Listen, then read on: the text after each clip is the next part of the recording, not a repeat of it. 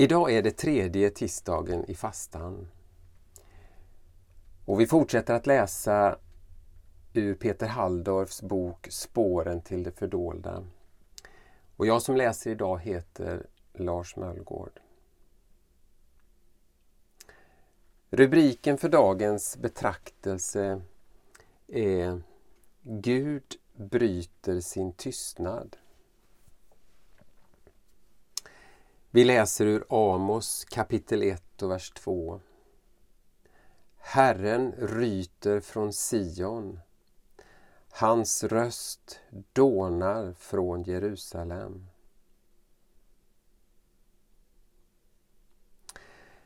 När Amos uppträder som profet på 700-talet före Kristus råder ekonomisk högkonjunktur i Israel. Men välståndet har lett till en dekadent livsstil i städerna. Profeten beskriver hur de rika har inrett sina sommar och vinterhus med elfenben. Man avnjuter sina festmåltider på divaner med mjuka dynor. Kvinnorna liknar Amos vid Bashans feta kor alkoholiserad av vin. Samtidigt sitter rättvisan trångt.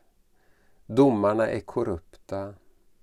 De fattiga utnyttjas och säljs till och med som slavar på marknaden. Amos arbetar som fåraherde när kallelsen ger hans liv en ny inriktning. Han kommer från byn Tekoa sydöst om Betlehem i Judarike. Men det är till Samaria, huvudstaden i norra riket, han blir sänd för att sjunga en sorgesång. Jungfrun Israel har fallit. Hon reser sig aldrig mer. Hon ligger där övergiven på egen mark. Ingen hjälper henne upp. Profeten från Tekoa uppträder med ett budskap som bokstavligen är på liv och död. Kom till Herren så får ni leva. Den som lider och sörjer när världen far illa undrar ofta varför Gud är tyst. Men Amos är drabbad av Guds mäktiga röst. Herren ryter från Sion, hans röst dånar från Jerusalem. Genom profeten bryter Gud sin tystnad.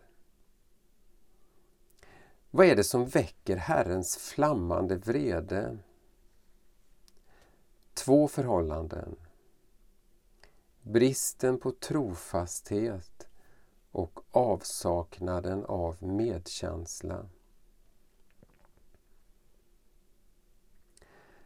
Det undgår ingen som uppmärksamt läser Amos bok att Gud är djupt indragen i världens öden. Guds omsorg är roten i all biblisk profetia.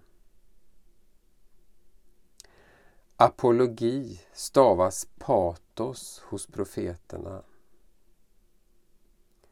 Som Guds förtrogne låter profeten oss förstå att Gud bryr sig så till den grad om sin värld att hans omsorg under korta ögonblick kan anta formen av helig vrede.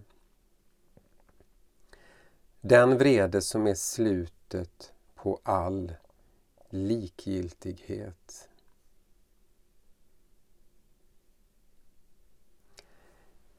Vi ber.